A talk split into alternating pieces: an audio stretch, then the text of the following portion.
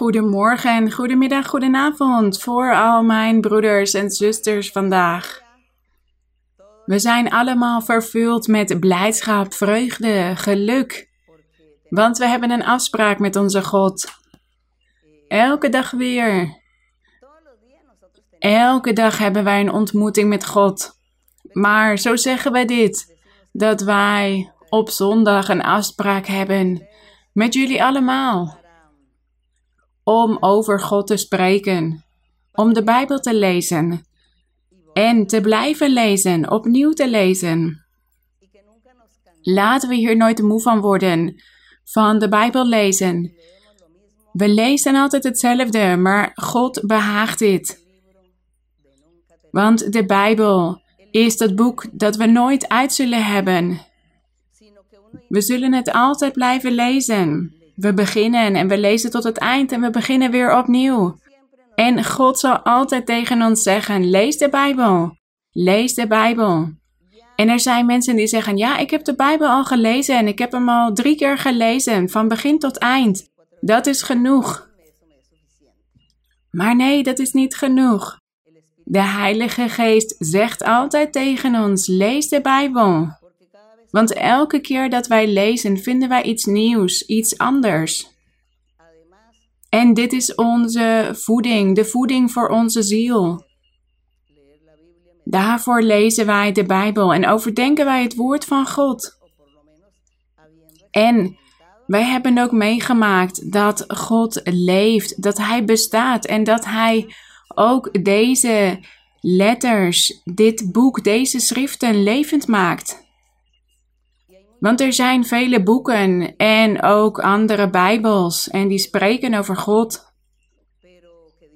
Maar dat God zich openbaart en dat Hij zijn schriften levend maakt, dat doet Hij alleen met dit boek, met onze Bijbel. En daar genieten wij van en daarom zijn wij zo verheugd en daarom worden wij er ook nooit moe van om de Bijbel te lezen. Dat is de uitnodiging voor jullie allemaal. En welkom, degene die voor de eerste keer bij ons zijn vandaag. Mensen die wellicht nog niet zo lang bij de kerk horen, ook welkom. U kunt allemaal plaatsnemen. Met een bereidwillig hart gaan wij leren om te overdenken wat wij gaan lezen vandaag, want zo voeden wij ons op een geestelijke manier en eren wij onze God. Gezegend en geprezen zij de naam van onze Heer. Wij danken onze God. Wij danken de eeuwige, de Vader, de Koning, die de hemelen en de aarde heeft geschapen. En die heerst in ons midden. Hij heerst in ons hart. Hij leeft en hij woont in het midden van degenen die Hem loven, die Hem verheerlijken, degenen die Hem vrezen en Hem waarderen. God is bij hen om hen te zegenen en hen te helpen. Dus wees oprecht met God. Wees bereidwillig voor God. Geloof in Hem, vertrouw op Hem. Bid tot Hem, spreek tot Hem en loof zijn naam. Op welk moment in uw leven dan ook en waar u ook maar bent over de hele wereld, als u een moeilijk moment meemaakt, een gevaar, dat u bedreigd wordt, dat ze u uw leven willen afnemen of u willen ontvoeren of u kwaad willen doen. Roep tot de God van de Bijbel.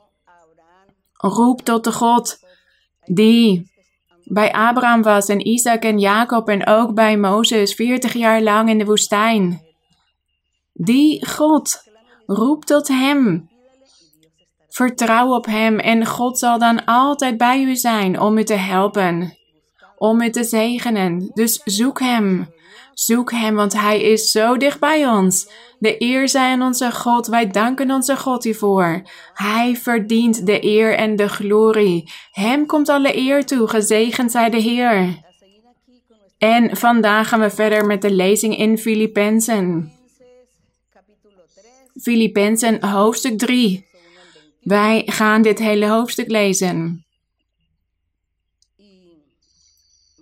En wij gaan kijken wat we hier gaan vinden. Welke mooie woorden hier staan. Filippenzen hoofdstuk 3, vers 1. Verder, mijn broeders, zegt apostel Paulus. Laten we gedenken dat wij aan de brieven van de apostel Paulus waren begonnen. De brieven die hij naar de gemeente in die tijd stuurde.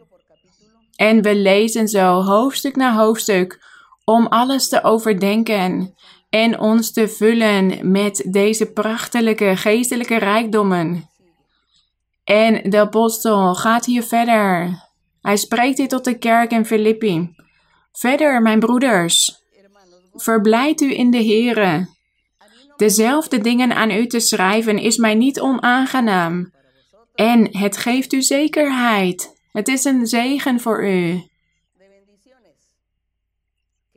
Dat ik jullie dezelfde dingen schrijf. Want dat bevestigt jullie geloof en het geeft jullie zekerheid. Dat zei hij hier. En hij waarschuwt hen in vers 2 en zegt: Let op de honden. Kijk uit voor de honden. Wees waakzaam. Zegt hij hier. En wie zijn die honden? Want hier in dit vers gaat het over drie verschillende soorten personen. Let op de, op de honden. Let op de slechte arbeiders. Let op de versnijdenis. Het gaat hier over drie groepen mensen. En wie zijn dit? Laten we hier naar kijken. Wie zijn die honden? Laten we gedenken dat de Heer Jezus Christus, toen Hij als mens op de aarde was, daar in Jeruzalem, in Judea, dat Hij zijn evangelie aan het verkondigen was. De goede tijding van verlossing maar hij werd veel achtervolgd door zijn eigen broeders, zijn eigen gemeente, maar ook door de heidenen. De heidenen waren al die andere landen, degene die niet bij het volk van Israël hoorden. Omdat zij niet bij het volk van Israël hoorden, werden zij vreemdelingen genoemd. Welk land dan ook. Syrië, Egypte, Assyrië. Ze waren allemaal vreemdelingen en werden heidenen genoemd. En in die tijd, toen de Heer aan het verkondigen was, werd de wereld, bijna de hele wereld, beheerst door het Romeinse Rijk. En de Romeinen, dat waren ook vreemdelingen. Zij behoorden niet tot het volk van Israël. En het was dus het Romeinse Rijk dat toen de macht had. En de Heer moest, had zich ook aan hen moeten onderschikken in die tijd. En de Heer werd toen ook bekritiseerd. En hem werd gevraagd of de belastingen wel moesten worden betaald. En hij zei: Ja, de belastingen moeten worden betaald. Geef de keizer wat hem toekomt. En we weten nog hoe hij twee vissen liet vissen en dat er munten in zaten om de belasting af te dragen. En hij verkondigde dus tot zijn broeders, het volk van Israël, maar de Romeinen waren ook daar. En toen de Joden hem gingen aanklagen, deden ze dit voor de Romeinen, de Romeinse aanklagers. Daarom waren het ook Romeinse soldaten die hem gevangen hadden genomen. En dat hij zijn eigen kruis moest dragen en dat hij een kroon van doornen op zijn hoofd kreeg en dat hij werd beledigd en vele verschrikkelijke dingen moest ondergaan. Ze wilden hem zijn leven afnemen en hem stenigen. Hij werd altijd achtervolgd, vervolgd door de heidenen, vreemdelingen. En op een menselijke manier kon de Heer hier niets tegen doen. Hij moest het allemaal doorgaan. En die vreemdelingen, dat zijn die honden. Die honden, het waren dus niet mensen die tot het volk van Israël behoorden. Het waren vreemdelingen. Zij kenden God niet. Ze hadden geen ervaringen gehad met God. Ze hadden een eigen geloof. Ze hadden een eigen godsdienst, afgoderij. En de Heer noemde hen honden. In een psalm. Volgens mij is het psalm 22, zodat jullie dit kunnen lezen wanneer jullie tijd hebben. Waarin de Heer sprak over het moment van zijn kruisiging. Wat hem allemaal was overkomen. En hij had het over honden. Hij zei: Heer, bevrijd mij, bescherm mij tegen die honden. Want honden hebben mij omsingeld. Zij hebben mijn handen en mijn voeten doorboord. Hij had het toen over die spijkers die ze in zijn handen en voeten hadden geslagen.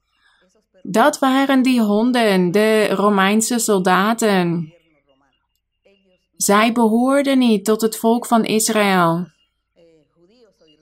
De Israëlieten, de Joden zelf, hebben de Heer niet ter dood gebracht, niet zelf, maar ze hadden hem overgegeven aan de Romeinen, zodat de Romeinen hem tot dood zouden brengen. En zij werden dus die honden genoemd, die Romeinen, de vreemdelingen. En vandaag de dag zeggen we ook, let op de honden. Want die honden, dat zijn dan ook mensen die zich op die manier gedragen. Die tegen ons opstaan en ons kwaad willen doen. Dan kunnen wij ook tegen de Heer zeggen: Heer, bescherm mij tegen die honden.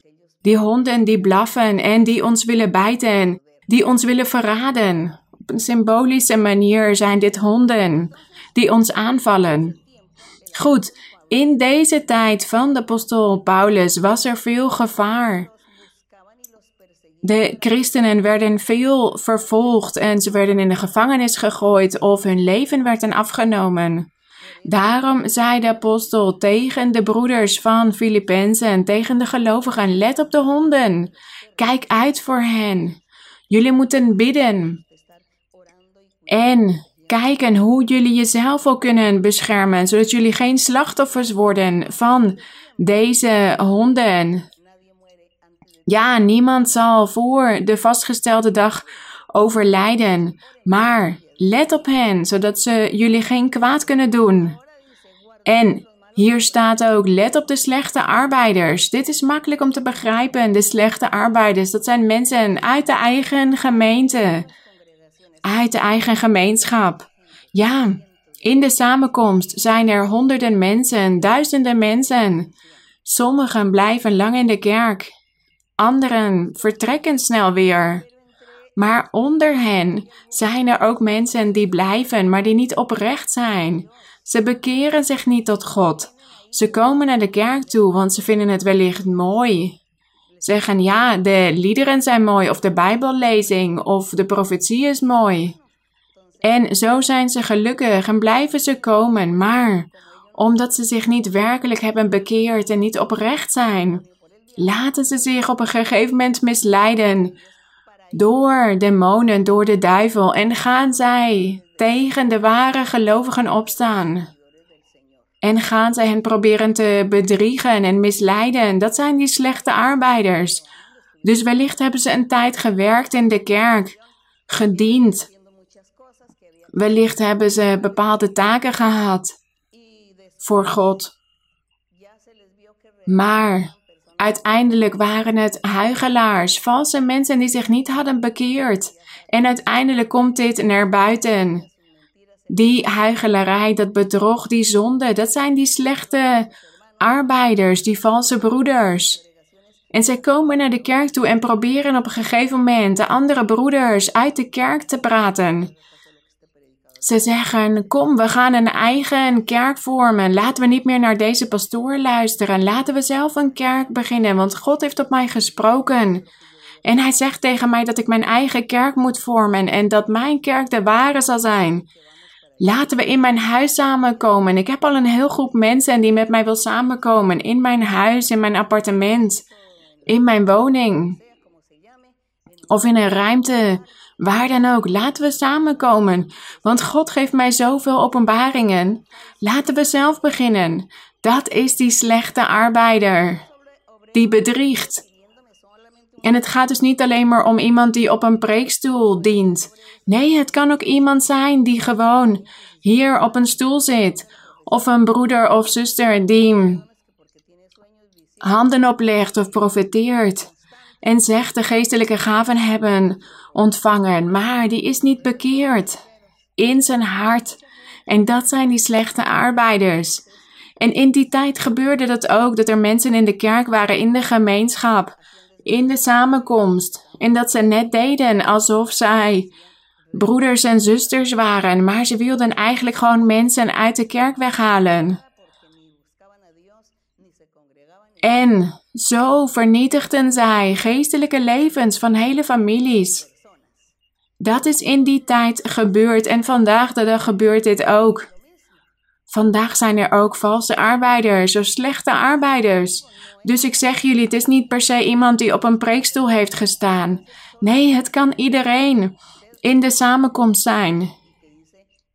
Als u zegt, ik geloof en ik wil bij de kerk horen, want ik weet dat God hier bestaat en zich openbaart.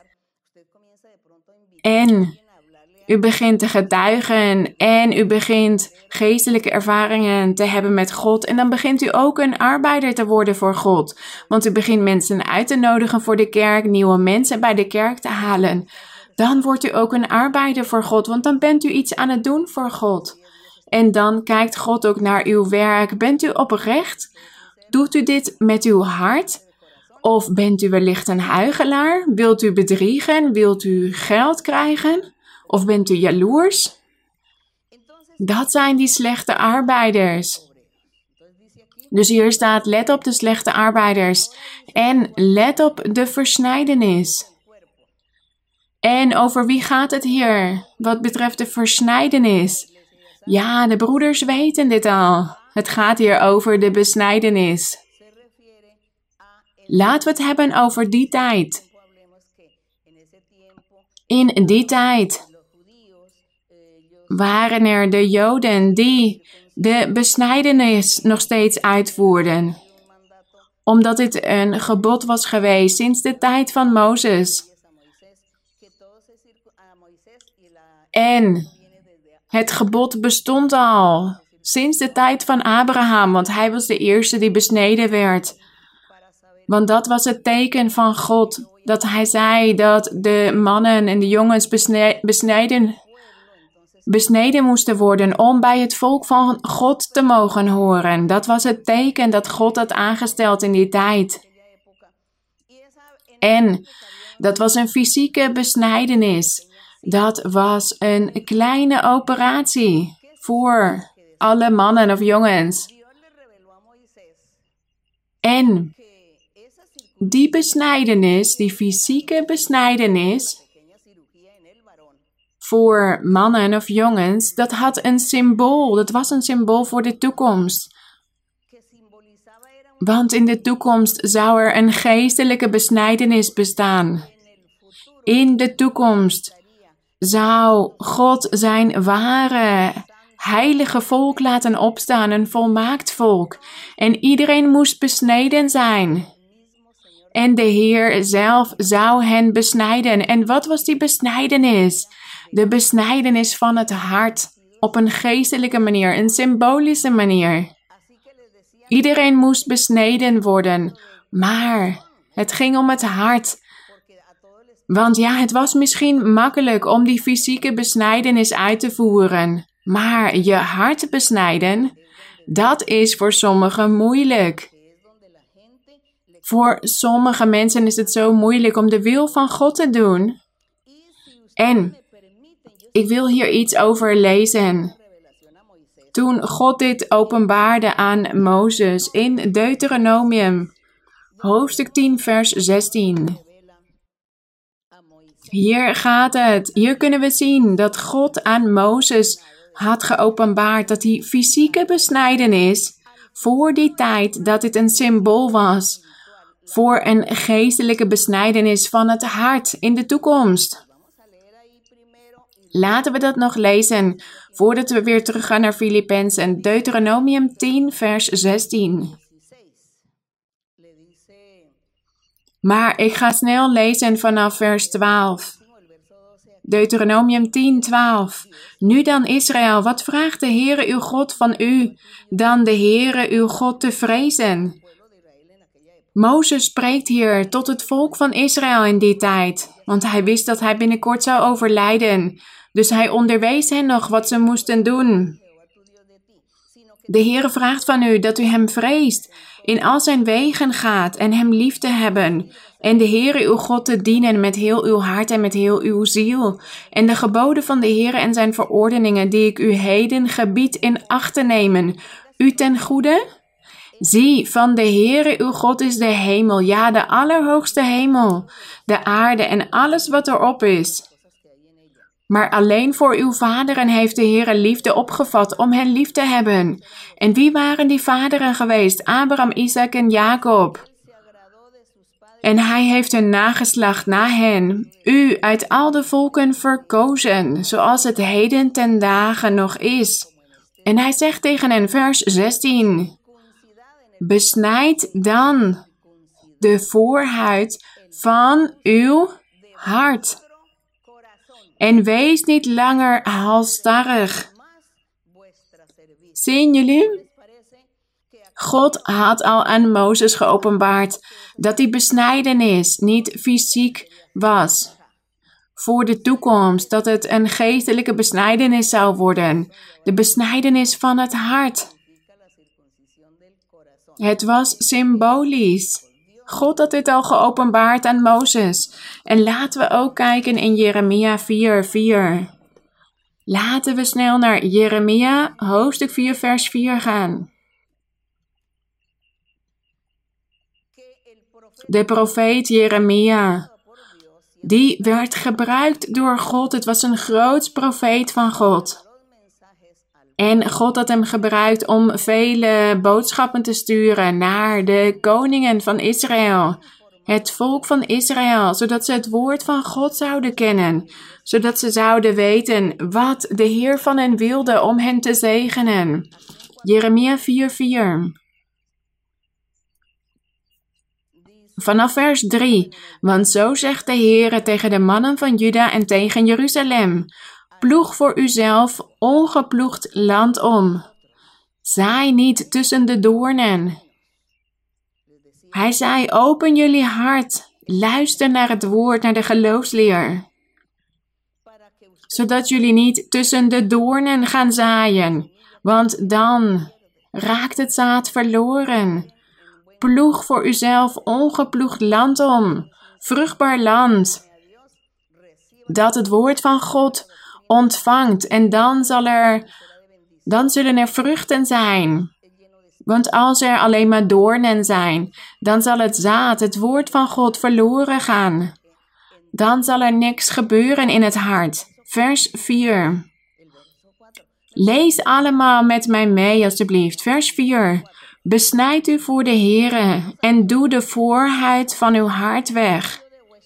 Mannen van Juda en inwoners van Jeruzalem, Anders zal mijn grimmigheid uitslaan als een vuur en branden zonder dat iemand kan blussen, vanwege uw slechte daden. Dus hier staat, besnuit u voor de Heere en doe de voorheid van uw hart weg. En wat was dat? Wat was er? Om hun hart of in hun hart, ze moesten de voorheid van hun hart wegdoen. In die fysieke besnijdenis werd er iets afgesneden. En op een geestelijke, symbolische manier moest, moest dat ook gebeuren. Ze moesten die hardnekkigheid weghalen, ongeloof, ongehoorzaamheid uit hun hart. Mannen en vrouwen van dat volk waren zo ongehoorzaam. Ze hadden de openbaringen van God gezien, de wonderen van God, de roeping van God, maar toch waren ze halstarrig, hardnekkig, koppig, opstandig en ze bleven gewoon in de zonde leven. Ze bleven altijd de zonde doen. Dat was die voorhuid die in hun hart was, om hun hart. Dat moesten ze wegdoen. Dat moesten ze wegdoen, die hardnekkigheid, die opstandigheid, die dwaasheid, die trots, die zonde. Ze moesten niet meer ongehoorzaam zijn, niet meer zondigen. Dat was die besnijdenis. En God sprak voor de toekomst. De toekomst was de verkondiging van het evangelie van de Heer Jezus Christus. De komst van de Messias op de aarde. Om die nieuwe methode van verlossing bekend te maken. Dus vandaag de dag moeten wij ons blijven besnijden. De volgelingen van de Heer, alle gelovigen, wij allemaal. Wij hebben allemaal ons hart moeten besnijden. Het is geen fysieke besnijdenis meer, geen fysieke operatie, nee. Het is het hart dat besneden moet worden.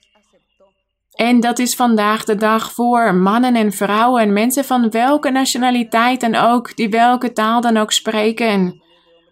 Hij kijkt niet naar onze huidskleur of naar ons geslacht of welke taal wij spreken. Nee, hij zoekt oprechte harten die hem zoeken. Dat hart moet zich besnijden met de hulp van God. Want de Heer is het die ons hart besnijdt. Wij horen het woord van de Heer. Wij horen zijn evangelie. Wij luisteren hiernaar en wij geloven hierin. En op het moment dat wij geloven, begint de Heer ons hart te besnijden. Hij begint het slechte uit ons weg te nemen. Die zondige tendenties, ketens, banden. Hij maakt ons vrij en ons hart is dan besneden. Gezegend zij de Heer. Dus wij mogen niet meer zondigen als ons hart besneden is dan kunnen wij niet meer zondigen. Wij horen dit niet meer te doen. Dus de besnijdenis is erg belangrijk op een symbolische manier, want het is geestelijk vandaag de dag. In deze tijd van de Filippenzen. Maar de apostel Paulus had ook kort uitgelegd, iets uitgelegd over de ware besnijdenis. En laten we dat snel nog even lezen in Romeinen 2, 29 een aantal boeken voor Filippenzen. Als jullie het niet vinden, luister dan maar. Romeinen 2, 29. Hoofdstuk 2, vers 29. Hier gaat het over de besnijdenis. De apostel Paulus zegt. In vers 28, want niet hij is Jood die het in het openbaar is, en niet dat is besnijdenis die in het openbaar in het vlees plaatsvindt. Maar hij is Jood. Hij is een ware Jood die het in het verborgene is. En dat is besnijdenis. De ware besnijdenis is die van het hart. Naar de geest, niet naar de letter. De letter, dat was de wet van Mozes. Dus het was niet die fysieke besnijdenis van die tijd. Nee, het is de besnijdenis van het hart, niet meer zondigen. Dat is de ware besnijdenis en dan kan iemand zich een ware Jood noemen. Degene die God verheerlijkt, die God looft, die ervaringen met hem meemaakt, die hem aanroept, die een heilig persoon is, volmaakt voor God. Dat is die ware gelovige in Christus Jezus. Gezegend zij de Heer. Dus hier staat, dat de besnijdenis niet die in het vlees is, maar die van het hart. Naar de geest, niet naar de letter. Zijn lof is niet uit mensen, maar uit God. Dus de apostel Paulus had ook al uitgelegd dat die besnijdenis niet fysiek was. En daarom hier in Filippenzen hoofdstuk 3, vers 2, daarom zegt hij hier, let op de honden, Let op de slechte arbeiders en let op de versnijdenis. Wie was die groep? Er was een groep mensen die zich hadden bekeerd tot de kerk, tot de Heer. Joden die zich hadden bekeerd tot de Heer. Maar die zeiden dan tegen de andere gelovigen: Je moet je wel laten besnijden op een fysieke manier, want anders leef je niet volgens de wet van Mozes en dan is jouw geloof niets waard. Dus zij waren het leven, het geestelijk leven aan het verstoren van de gelovigen. Want zij wilden van iedereen eisen dat ze ook fysiek besneden werden. En dat was helemaal niet belangrijk. En daarom zei de apostel Paulus: let op de versnijdenis, kijk uit voor hen. Kijk uit voor hen. De apostel Paulus was hier erg boos om geworden en daarom zei hij: Let op de versnijdenis, degene die jullie lichaam willen versnijden. Dus als wij bijvoorbeeld, als iemand onze vinger afsnijdt, ja, dan versnijdt hij ons. Let op die mensen die jullie willen versnijden.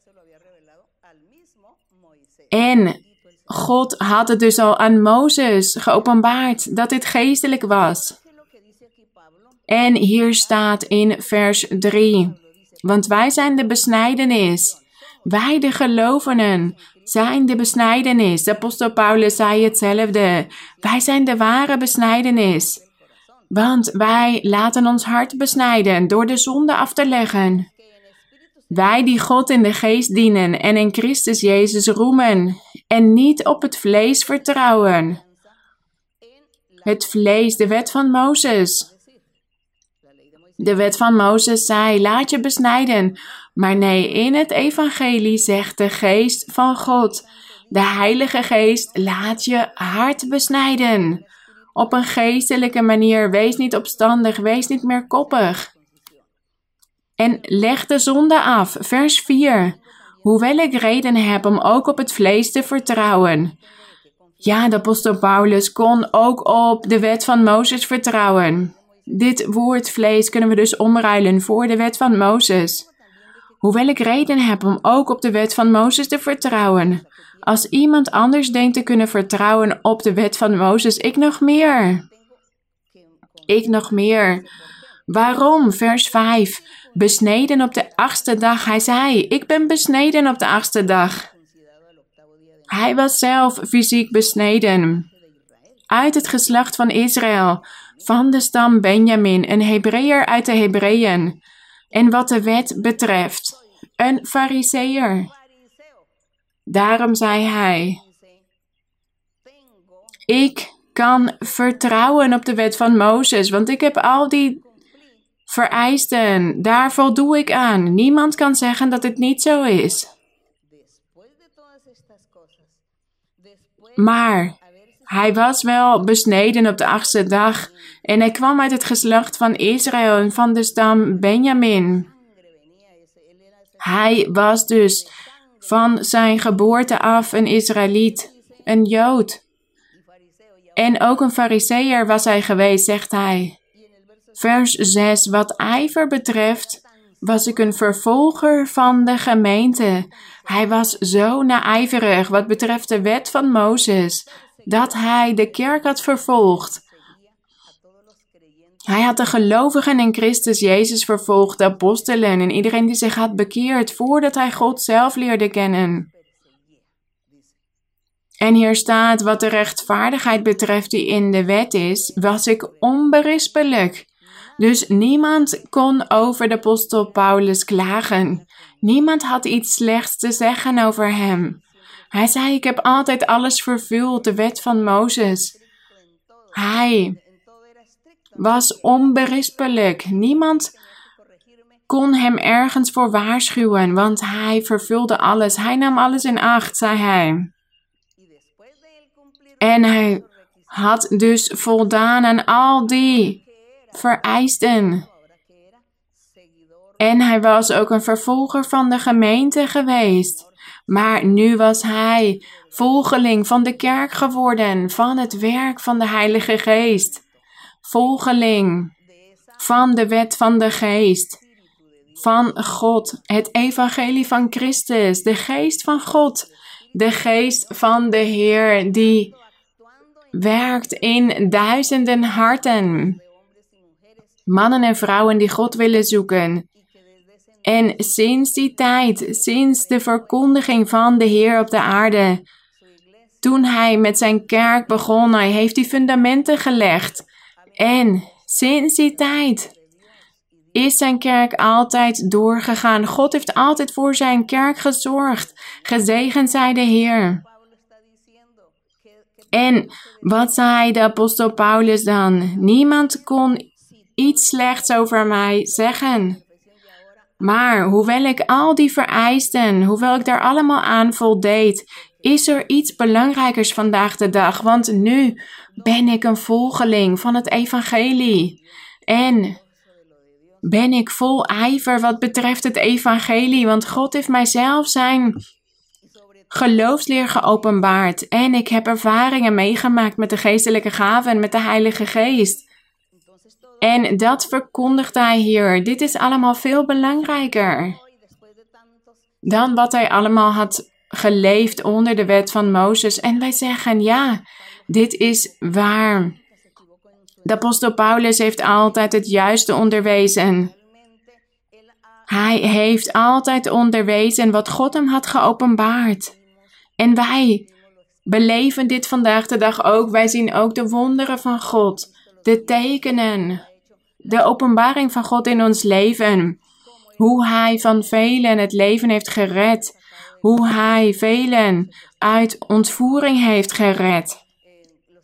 Anderen wilden hun eigen leven afnemen. En God heeft dit voorkomen. Of dat iemand anders zijn leven wilde afnemen. En God had ervoor gezorgd dat het geweer op dat moment niet werkte, bijvoorbeeld. Want God beschermt zijn kinderen, zijn volgelingen. De volgelingen van het evangelie. Dat wordt geleid door de geest van God. En daarom zeggen wij ditzelfde, dat God in ons midden is en over ons heerst, dat Hij leeft en dat Hij werkelijk is, waarachtig, dat Hij bestaat en dat Hij dezelfde God is. Hij is een wonder in ons leven. En de apostel Paulus zegt hier in vers 7, nadat hij dus over zijn eigen situatie had gesproken, maar wat voor mij winst was, dat heb ik om Christus wil als schade beschouwd. Hij zei, ja, alles wat ik ben geweest. Dit heeft geen nut meer vandaag de dag, want ik leef nu een beter leven, een nieuw leven, een ander leven in Christus Jezus. 8. Ja, beslist, ik beschouw ook alles als schade vanwege de voortreffelijkheid van de kennis van Christus Jezus, mijn Heere, om wie ik dat alles als schade ervaren heb. En ik beschouw het als vuiligheid, opdat ik Christus mag winnen. De eer zij aan God. Al dat belangrijke, wat belangrijk in zijn leven was geweest, dat beschouwde hij nu als vuiligheid. Dat hij Jood was geweest uit het geslacht van Israël, van de stam Benjamin, uit de Hebreeën en dat hij ook een fariseer was geweest. Hij zegt, nee, alles wat ik nu heb is beter. Het leven in Christus, want dit is de ware weg die tot God leidt, die tot het eeuwige leven leidt. Zo kan ik na mijn dood bij de Heer genieten. Gezegend zij de Heer. Vers 9. En in hem gevonden wordt, niet met mijn rechtvaardigheid die uit de wet is, maar die door het geloof in Christus is namelijk de rechtvaardigheid uit God door middel van het geloof. Dus hij leefde nu voor de wet van het evangelie, niet meer, door, niet meer voor de wet van Mozes. Vers 10, opdat ik hem mag kennen en de kracht van zijn opstanding en de gemeenschap met zijn lijden, doordat ik aan zijn dood gelijkvormig werd. Hij was dus erg gelukkig dat hij dit prachtige evangelie had leren kennen. Dat evangelie waarin God zo dicht bij ons is, in ons hart. En daarom moeten wij een besneden hart hebben, zodat God in ons kan wonen en met ons kan gaan. Vers 11, om hoe dan ook te komen tot de opstanding van de doden. Niet dat ik het al verkregen heb of al volmaakt ben, zei hij in zijn bescheidenheid. Hij was hier bescheiden en hij zei: Ja, ik zeg niet dat ik al volmaakt ben, maar ik jaag er naar om het ook te grijpen. Ik jaag naar het doel en dat zal ik bereiken. Vers 12. Ik jaag ernaar om het ook te grijpen. Daartoe ben ik ook door Christus Jezus gegrepen. Hij was door de Heer geroepen en hij was aan de Heer gehecht. De Heer had hem gevonden en hem aangenomen. En wij dus ook aan de hand van God. Als u denkt dat u nog niet aan de hand van God door het leven wandelt, doe hier dan moeite voor. Doe er moeite voor om van Hem te houden. Gezegend zij onze Heer. 14. Maar één ding doe ik. Vergetend wat achter mij is, mij uitstrekkend naar wat voor is, jaag ik naar het doel, de prijs van de roeping van God die van boven is in Christus Jezus. Laten wij dan, die geestelijk volwassen zijn, deze gezindheid hebben en als u iets anders gezind bent, ook dat zal God u openbaren. Maar tot zover wij gekomen zijn, laten wij naar dezelfde regel wandelen. Laten wij eensgezind zijn. En hoe kunnen wij eensgezind zijn als de geest van God in ons woont, in ons hart besnijdt? En daarvoor moeten wij eerst van God houden, ons bereidwillig opstellen voor God, zodat Hij van ons een heilig persoon kan maken, zodat wij het doel kunnen bereiken, de eeuwige verlossing. Daarom zei de Heer, wees trouw tot aan de dood. En dan zal ik je de kroon des levens geven. Gezegend zij de Heer. Die belofte is voor ons allemaal. Zoals de apostel Paulus hiervoor streed, doen wij dit ook om dit doel te bereiken. Vers 18, want velen, ik heb dikwijls met u over hen gesproken en zeg het nu ook onder tranen, wandelen als vijanden van het kruis van Christus.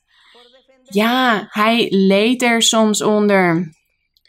Het verdedigen van Christus. Maar wij doen hetzelfde. Soms lijden wij ook voor de Heer, omdat we Hem willen verdedigen. En altijd willen blijven verdedigen. Door ook altijd door te gaan. Vers 19.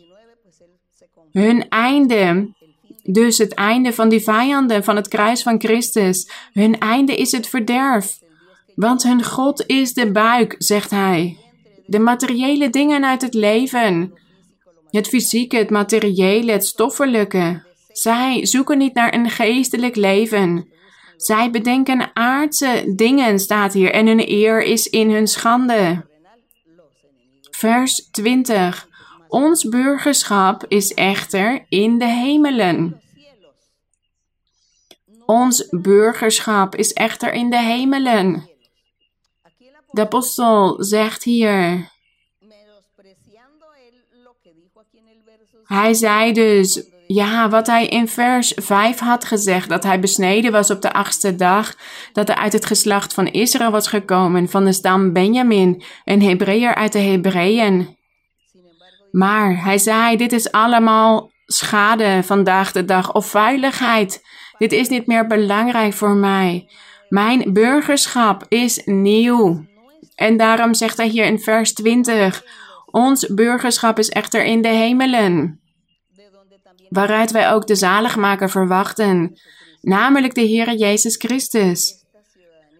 Deze hemelse, dit hemels burgerschap daar strijden wij vandaag de dag ook voor. Gezegend zij de Heer. Wij allemaal. En ook mensen die nieuw zijn. Mensen die hier voor de eerste keer bij ons zijn wellicht. Ik nodig jullie uit om de Bijbel te lezen. Word hier nooit moe van. Lees het niet als een literair werk of als poëzie of als een filosofisch boek, of als een verhaal, een geschiedenis, een vertelling. Nee, lees het op met geestelijke zin, alsof God naast u zit en dat u aan het lezen bent. En dat God dan tegen u zegt: Begrijp je het wel? Begrijp je wat je leest? Zie je wat ik met mensen doe en wat mensen met mij doen? En dat sommige zegeningen ontvangen en andere gestraft worden. Lees je dit allemaal? Als we op die manier lezen, dan zullen we zien dat God heel dicht bij ons is. En dat onze lezing erg nuttig is voor ons geestelijk leven. Vers 21, tot slot. Hier staat dat de Heer Jezus Christus ons vernederd lichaam veranderen zal. Ja, dit lichaam is vernederd in het leven door de vijand, door vele strijden. We moeten voor veel dingen strijden. We hebben soms leed, problemen, moeilijkheden. Maar de Heer zal dit vernederd lichaam veranderen, staat hier. Zodat het gelijkvormig wordt aan zijn verheerlijkt lichaam. Hier staat dat de Heer het lichaam van ons allemaal zal veranderen. Hij zal ons een verheerlijkt lichaam geven, zoals de Heer dit had. Want de Heer had een verheerlijkt lichaam. En zo zullen wij ook worden. Op een bepaalde dag zullen wij veranderd worden van heerlijkheid op heerlijkheid. De glorie zij aan de Heer. Vers 21 dus, die ons vernederd lichaam veranderen zal, de Heer Jezus Christus, zodat het gelijkvormig wordt aan zijn verheerlijkte lichaam. Overeenkomstig de werking waardoor hij ook alle dingen aan zichzelf kan onderwerpen. Ja, de Heer is krachtig. Hij kan alles en iedereen aan zich onder, onderwerpen. Alle machten en alle krachten, alle dingen die bestaan, bovennatuurlijke dingen, krachtige dingen. Wij als mensen, wij staan machteloos tegenover al die dingen. Maar God maakt ons sterk en dapper. En Hij kan alles aan zichzelf onderwerpen. En wij kunnen dus ook strijden. En wij kunnen dus ook het einddoel bereiken. Wat is het einddoel? De dag van ons overlijden. Toen de Heer op het kruis hing, zei Hij: Het is volbracht.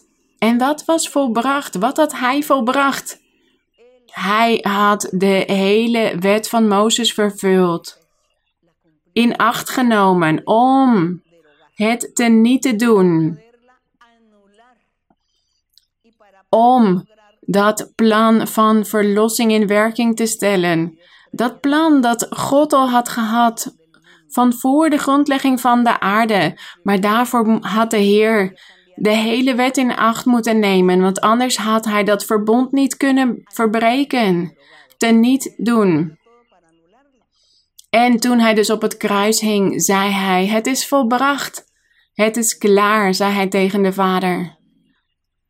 Mensen hoorden dat in die tijd, maar ze wisten niet waar het over ging, waar de Heer het over had. Maar dit was dat de wet van Mozes was volbracht. En mensen zouden geen slaaf meer zijn van al die vereisten en geboden en bepalingen en verordeningen van de wet van Mozes. Want vanaf dat moment zouden mensen een geestelijk leven gaan leiden in de Heer Jezus Christus. En God helpt elke man, elke vrouw om een heilig oprecht leven te leiden. Hij neemt die zondige tendentie uit mannen en vrouwen weg. Het enige wat hij wil is dat mensen hun hart bereidwillig hebben voor hem en tegen hem zeggen: Heer, ja, ik wil. Ik wil door u veranderd worden. Ik wil naar het eeuwige leven gaan. Dat is het. Laten we gaan bidden tot onze Vader en Hem bedanken. Gezegende God, Heilige Vader, eeuwige God, U die sprak tot Abraham en Isaac en Jacob en Mozes. En u hebt Mozes het woord onderwezen en uw geloofsleer, de geboden. En hij begreep dit allemaal. Hij had alles begrepen wat u hem had opgelegd, wat u hem had geboden. Vader, en u wilde dat iedereen die zou volgen na Mozes, dat iedereen die na hem zou komen, dat iedereen voor uw aangezicht zou komen en uw woord in acht zou nemen en het volk zou onderwijzen om een heilig en volmaakt leven te leiden. Dat is wat u wilde. U wilde een heilig volk, een uniek volk. Anders dan alle andere volken op de aarde, maar dit was in die tijd niet vervuld. Maar toch is uw prachtige plan altijd doorgegaan in een aantal harten die wel van u hielden. Uw plan is altijd doorgegaan, voor vele eeuwen. Tot op de dag van vandaag, meneer. In uw barmhartigheid. Bent u zelf gekomen naar de aarde? U, bent, u was mens geworden. U was vlees geworden. U was op aarde in de vorm van de persoon Jezus uit Nazareth. Niemand heeft u herkend. Niemand had dit door in die tijd. Wie ze voor zich hadden. Heer, maar dat was uw wil. Dat is uw plan geweest. Zo bent u, mijn Heer. En wij wandelen soms ook met u aan onze zijde en we hebben het soms niet eens door. Soms spreekt u tot ons en we hebben het niet door. Ons vlees zet als een sluier voor onze ogen, dat ons soms verblindt.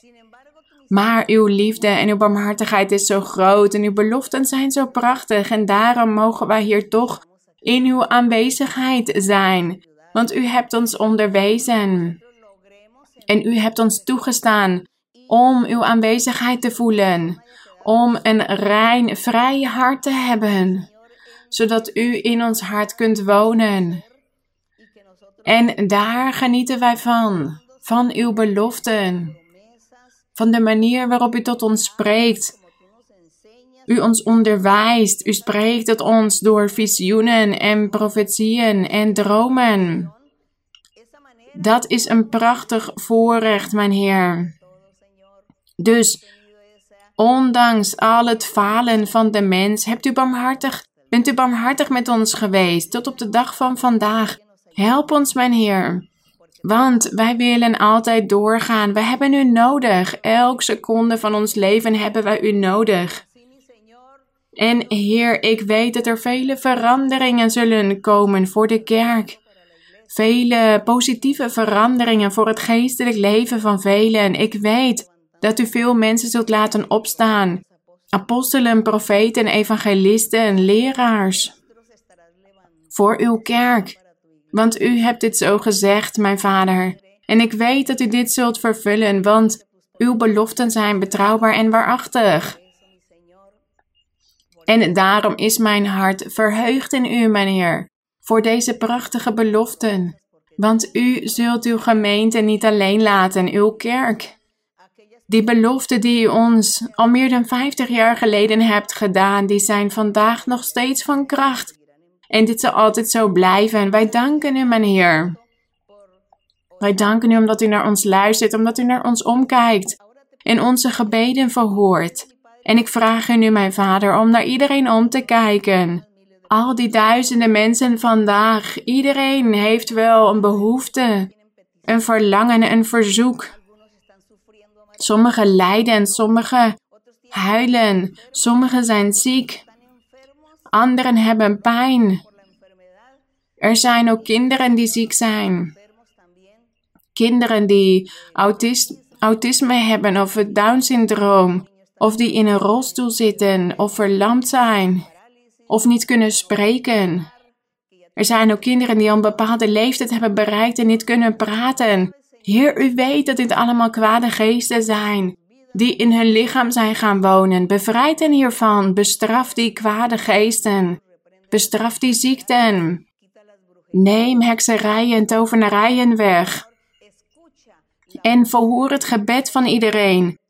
Van allen die tot u aan het bidden zijn, die om barmhartigheid vragen. Heer, u bent onze God. Voor u is er niets onmogelijk. U bent liefde. Wij danken u, mijn Vader, in de heerlijke naam van Christus Jezus, uw geliefde Zoon. Help ons om te geloven en van u te houden met heel ons hart, met heel onze ziel. Wij loven u, mijn Heer. Wij geven u de glorie en de eer. Wij danken u. Gezegend zij de Heer. Ik weet dat u hier bent, mijn Heer. Ik weet dat u hier bent. Ik weet dat u hier bent, mijn Heer. Ik weet dat u hier bent. Mijn ziel maakt u groot. Mijn ziel maakt u groot. Mijn ziel maakt u groot, want ik weet dat u hier bent. Mijn ziel maakt u groot. Mijn ziel maakt u groot. Mijn ziel maakt u groot, want ik weet dat u hier bent. Ik weet dat u hier bent, mijn Heer. Ik weet dat u hier bent. Ik weet dat u hier bent, mijn Heer. Ik weet dat u hier bent. Mijn ziel maakt u groot. Mijn ziel maakt u groot.